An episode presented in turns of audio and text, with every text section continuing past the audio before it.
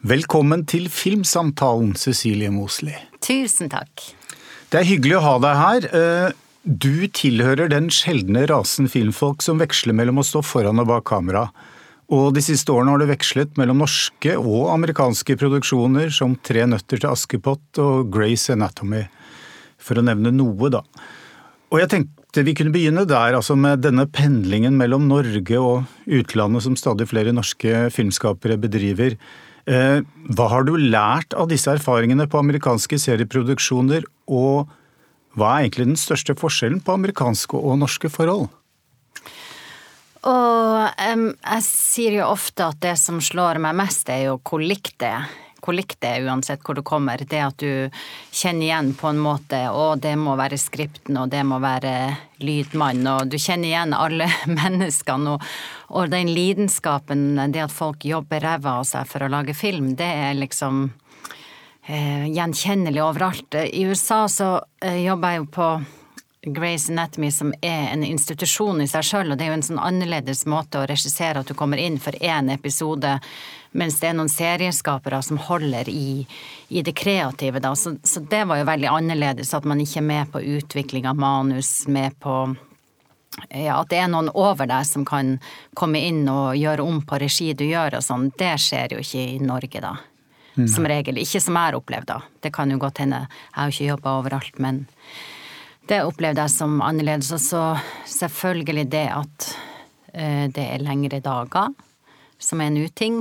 Eh, og litt mer angst rundt det å jobbe. I Norge så har man vel mer sånn eh, tradisjon på at hvis at noe ikke funker, så prøver man å hjelpe den eller det som ikke funker, mens der er det litt mer sånn da må du skiftes ut. Og det syns jeg er en ubehagelig ting, da. Mm. Mm. Det går vel fort i svingene også, skulle jeg tro? Ja, det går veldig fort. Ja. Det er veldig intenst. Men, men, det er klart, det er jo forskjell på hvor fort det går i Norge også, altså mellom spillefilm og serieproduksjon. Serieproduksjon er mer på hva skal vi si, går mer på kjede.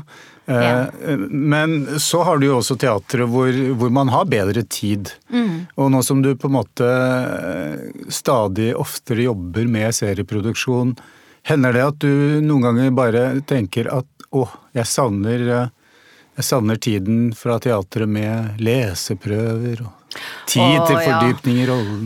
Jeg tenker av og til på når jeg står alltid på svære produksjoner, at jeg er jo egentlig en sånn som vil ha en, et nyskrevet norsk stykke for to stykker på malersalen. det er jo der egentlig Jeg tenker jo at jeg er egentlig en sånn type, og sist jeg satt på teater, så klarte jeg å sette, si at å sette opp Shakespeare in Love, som på mange måter på Nationaltheatret, eller Forelska i Shakespeare, som, som, var nesten som en filmproduksjon med 25 skuespillere og masse kostymer og scenografi og sånn. så Eh, men jeg føler jo at vi som jobber med teater og film og TV, alltid lengter etter Når du jobber med komedie, så lengter du etter drama. Når, ja. At man alltid har en sånn åh, Det blir litt overvelda over det å løse ting. Så hvis jeg gjorde en malersal med to stykker og åtte uker, så ville jeg sikkert tenke nei, nå må jeg ha litt tempo. Så jeg, jeg vet mm. ikke. Man lengter Jeg tror en del av det å ville jobbe med det å fortelle historier handler om mennesker som lengter. Eh, lengter etter noe. Og tror jeg, derfor tror jeg vi er liksom skapt sånn, at vi lengter etter noe. Mm.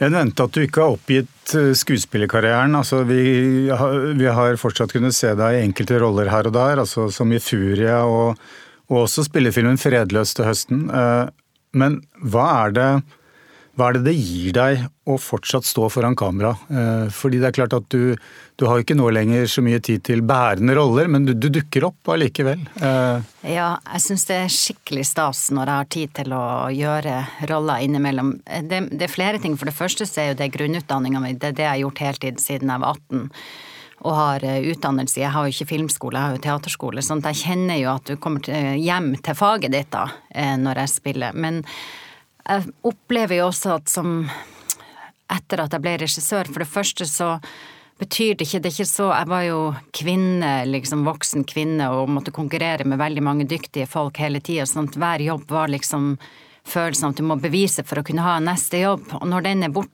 den prestasjonsjaget som skuespiller, så har jeg det så ufattelig gøy som skuespiller. Fordi jeg trenger ikke å gjøre flere i mitt liv.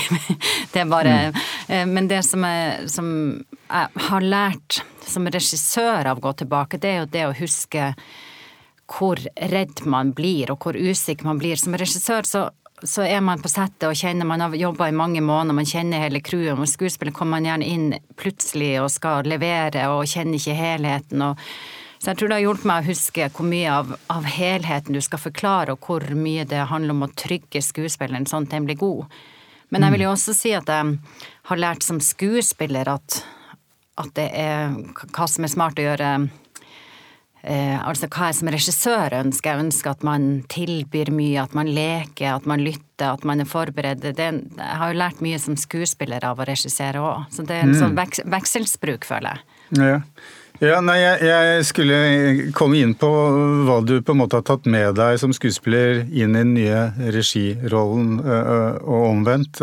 Men jeg husker når jeg snakket med deg for en tid tilbake, så sa du blant annet at du ble klar over hvor sårbare skuespillerne er mm. da du inntok registolen. Mm.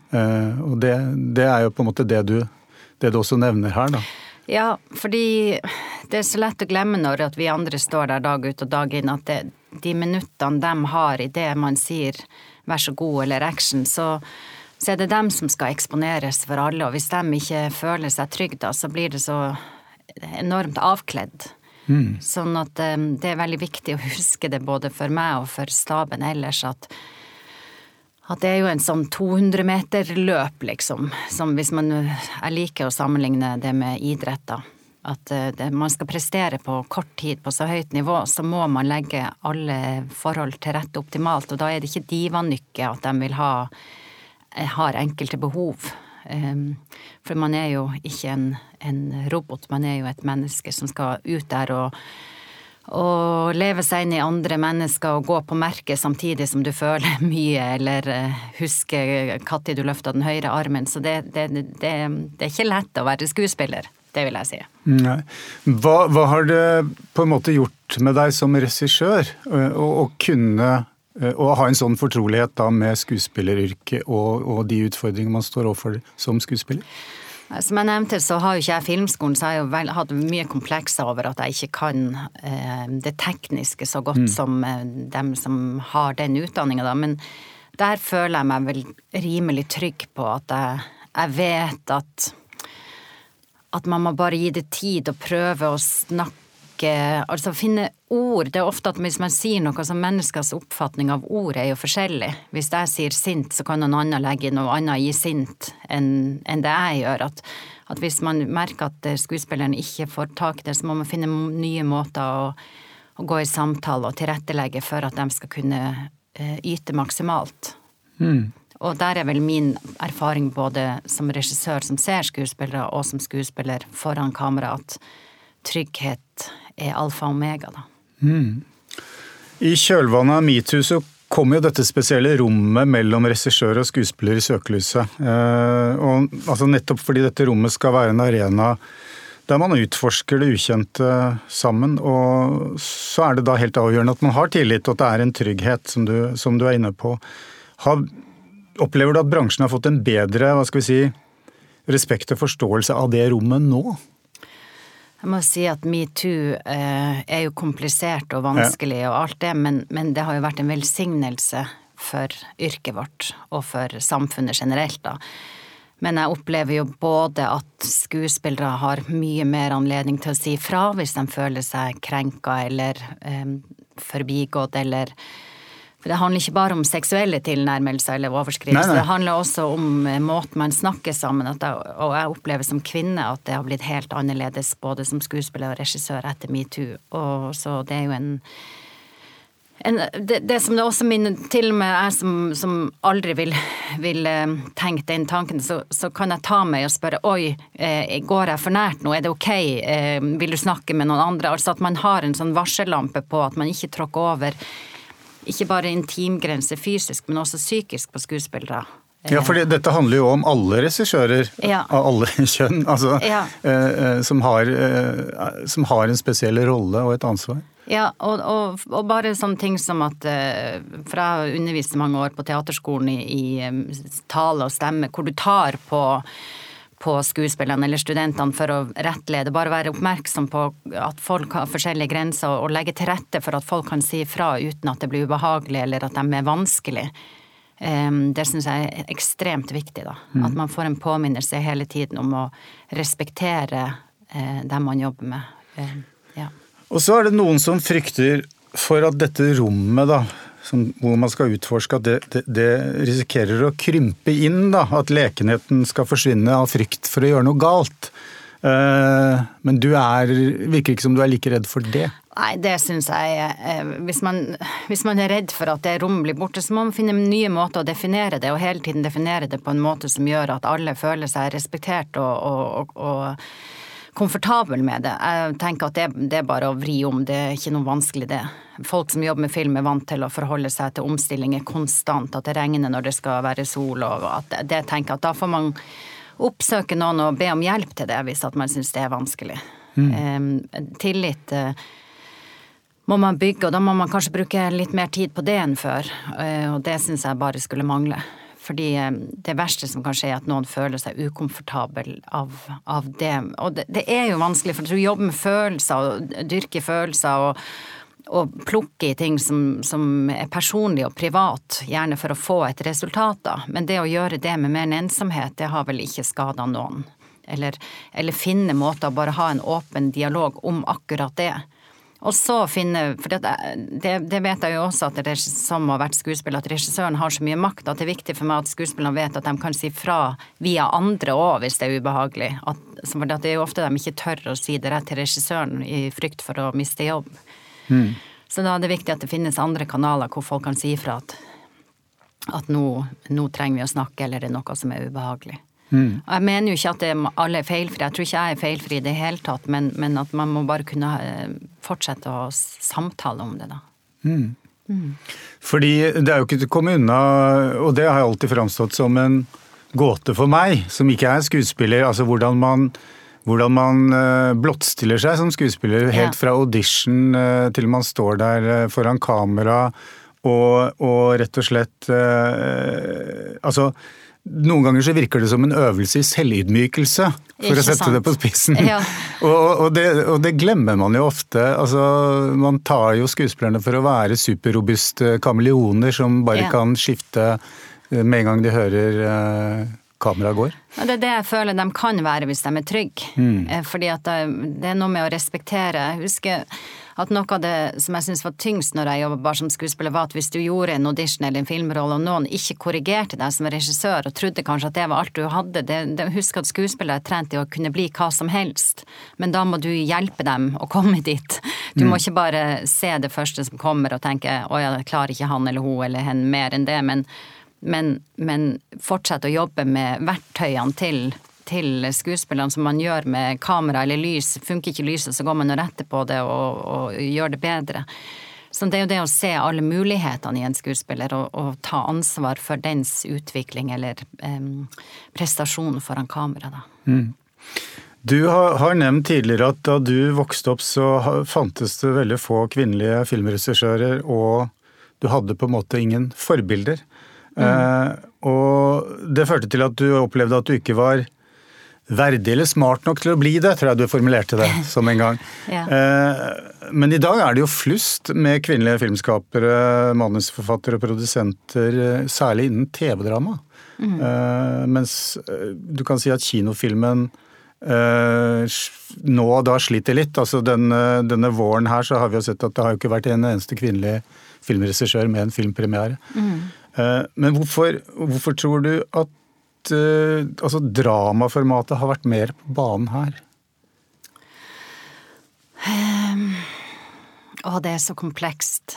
Ja. Uh, det er jo som Altså, jeg har jo tenkt på etterpå at jeg visste jo om Anja Breien og og Vibeke Løkkeberg, men det var på en måte ikke um, opp i dagen det med forbilder som kvinnelige regissører, verken innenfor teater eller film. og det jeg opplevde jo at det var en slags, også en slags, hva skal man si, retorikk og en slags gjeng av dem som var regissører, som, som var utilnærmelig. eh, som tok lang tid før jeg trodde jeg kunne være smart nok. Fordi at det føltes på et eller annet vis som jeg ikke var med i den eh, Jeg kommer jo fra Gokk og ei jente og kom til Oslo i ironiens tidsalder, så det var liksom ikke lett å komme inn i de miljøene der uten å Ja, det var lett å feile. Men, men når det kommer til hvorfor drama mm, har vært modigere med å, å få kvinner jeg, jeg, tror at det er så komplekst som at det også handler om sjøltillit og det å tørre å rope at jeg vil gjøre en spillefilm. Og så tror jeg det handler om mekanismer i forhold til utdelere av penger, at det handler om en dramaturgi som man kjenner igjen. Og det handler både om hovedroller, hvilken kjønn hovedroller har, hva historien er og hvem som forteller den. Jeg tror det er lettere å kjenne igjen en historie som vi har sett veldig mange ganger på film i Norge, som er en mann som har et problem å kjempe seg gjennom det, møter mange hjelpere, kommer ut på andre siden, kanskje har ikke lært noe, kanskje har lært noen ting. Hvis du går tilbake og ser, så handler veldig mange av de norske filmene du har sett om akkurat det. Og jeg tror at når man gir penger, så er det litt vanskeligere å gjenkjenne en, en annen type dramaturgi, en annen type eh, handling og en, kanskje en mer feminin dramaturgi som noe som kan selge. Og nå er det jo så få filmer som får støtte, og mye av det er markedsordninger, så det er vanskeligere å gjenkjenne trygghet. Det tror jeg sitter igjen selv om man har sett og vet, og selv om man vil gi kvinner støtte, så tror jeg man, man ikke, ikke, har sånn tillit i grunnen, tror jeg. Ja. Men det er jo riktig som du sier at, at, det er komplisert, fordi på, mange, på, noen måter så har jo på en måte kinovinduet blitt trangere. Ja. Eh, det er eh, Kinoen opplever på en måte nedgang og, og krisetider, og, og, under pandemien har på en måte dramaformatet bare fortsatt skutt mm. fart og utvidet seg videre i ulike retninger. Mm. Ja, det... Og, og, der, og, det er jo der eh, de fleste jobbene på en måte har vært eh, også? Absolutt. Og så er det mer forutsigbart også. Du får eh, Filmstøtte er jo veldig veldig uforutsigbart. Man får jo nei på De, de, de fleste får jo nei, både mm. damer og menn. Og alle, alle typer mennesker får jo De fleste får jo nei til å lage film. Så ja. Så, men jeg håper jo at det kan um, opplever jo at det er en endring generelt i historiefortelling, at man også de filmene som, var, som har vært i Oscar de siste årene, type Nomadland og sånn, at man liksom åpner opp for en annen type historiefortelling mm. enn den klassiske amerikanske eller aristotelske. Altså at, at, man kan se andre nye perspektiver, og det syns jeg jo er på tide, da. For jeg syns jo at én ting er at det er trygt og man kjenner igjen den historien, men det er jo eh, repetitivt. Man bør, mm. jo, man bør jo komme så langt, og det er statsstøtta kunst av film. Eh, så jeg tenker at det skal kanskje være litt mer eh, grensesprengende og utforskende som mandater når man får så mye penger fra staten. Mm. Vi var inne på det med trygghet for skuespillere, og øh, jeg husker jeg øh, intervjuet Ane Dahl Torp for en tid tilbake, og da snakket hun om at i begynnelsen av hennes karriere som filmskuespiller, så var det jo sånn at man, man avleverte replikkene og brukte det materialet man fikk så godt man kunne, men, men det, det var ikke sånn at man gikk inn og ga motstand. Eh, og så nevnte hun at eh, det er blitt mye mer utbredt at skuespillerne er trygge nok til å si at eh, dette, det, dette holder ikke, mm. jeg, jeg, jeg, kan tenke meg å gjøre sånn og sånn. Mm. Ikke sant? At man har, man har, rett og slett selvtillit og trygghet til å gi motstand og mm. være med å, og på en måte skape, skape filmen, skape rollen. Ja, Det er nok et komplisert spørsmål, for jeg syns jo det er kjempeviktig at uh, skuespiller er medskaper i, i, det vi gjør. Det syns jeg er helt uh, en skam at det ikke har vært mer av før. Samtidig så er det viktig at manusforfatterne uh, jobber jo med manus veldig lenge, og det er ofte ting, bak, ting bak. Og når en skuespiller sier ja til et prosjekt, så må man jo si ja til det prosjektet, og ikke prøve å endre det til noe annet. Sånn, det er en sånn hele tiden sånn balansegang over hvor mye å lytte til hva skuespilleren vil, men innafor den visjonen manusforfatteren eller regissøren har, ikke å prøve ikke å endre kurs. Mm. Men jeg syns jo at, at skuespillet har vært veldig undervurdert. De jobber jo med, med tekst og og mål og hindring og retning og um, undertekst og sånn er jo det skuespillere har høyere utdanning og kolossal trening, så, så man blir jo fattigere hvis man ikke tar imot um, skuespillers motstand og medskapning. Ja, absolutt. Mm. Mm.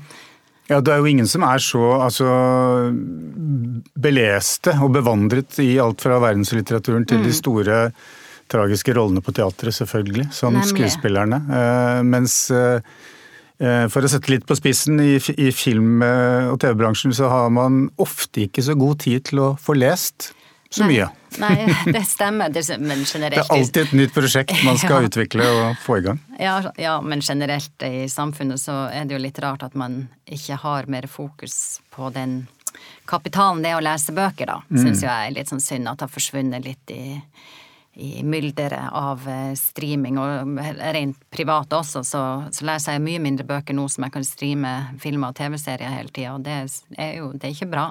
Fordi mm. det er jo det er, en, det er, en, veldig stor kapital i å få lest, tenker jeg. Men du er jo ikke blant de uh, kulturmenneskene som begynner å bekymre seg for at det blir for mye strømming? For det er jo også en ny sånn tendens eh, og debatt. Ja, det har jeg hørt uh, flere av mine kollegaer kritisere i forskjellige podkaster og sånn. Jeg vet ikke.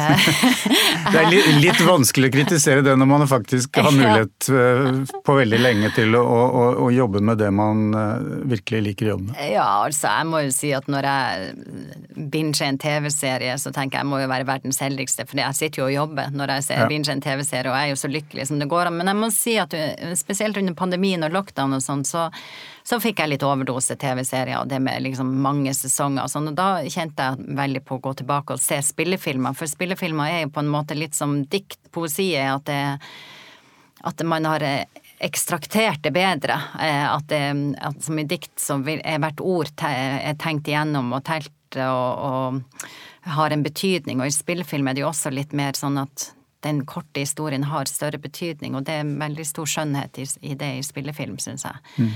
Men jeg syns jo samtidig at TV-serier er som de lange romanene jeg elsker som barn og ungdom, hvor, hvor du forfølger folk gjennom lang, lang tid. Også å spille i når jeg har spilt i TV-serier, det å bli kjent med en karakter over så lang tid, det er jo fantastisk.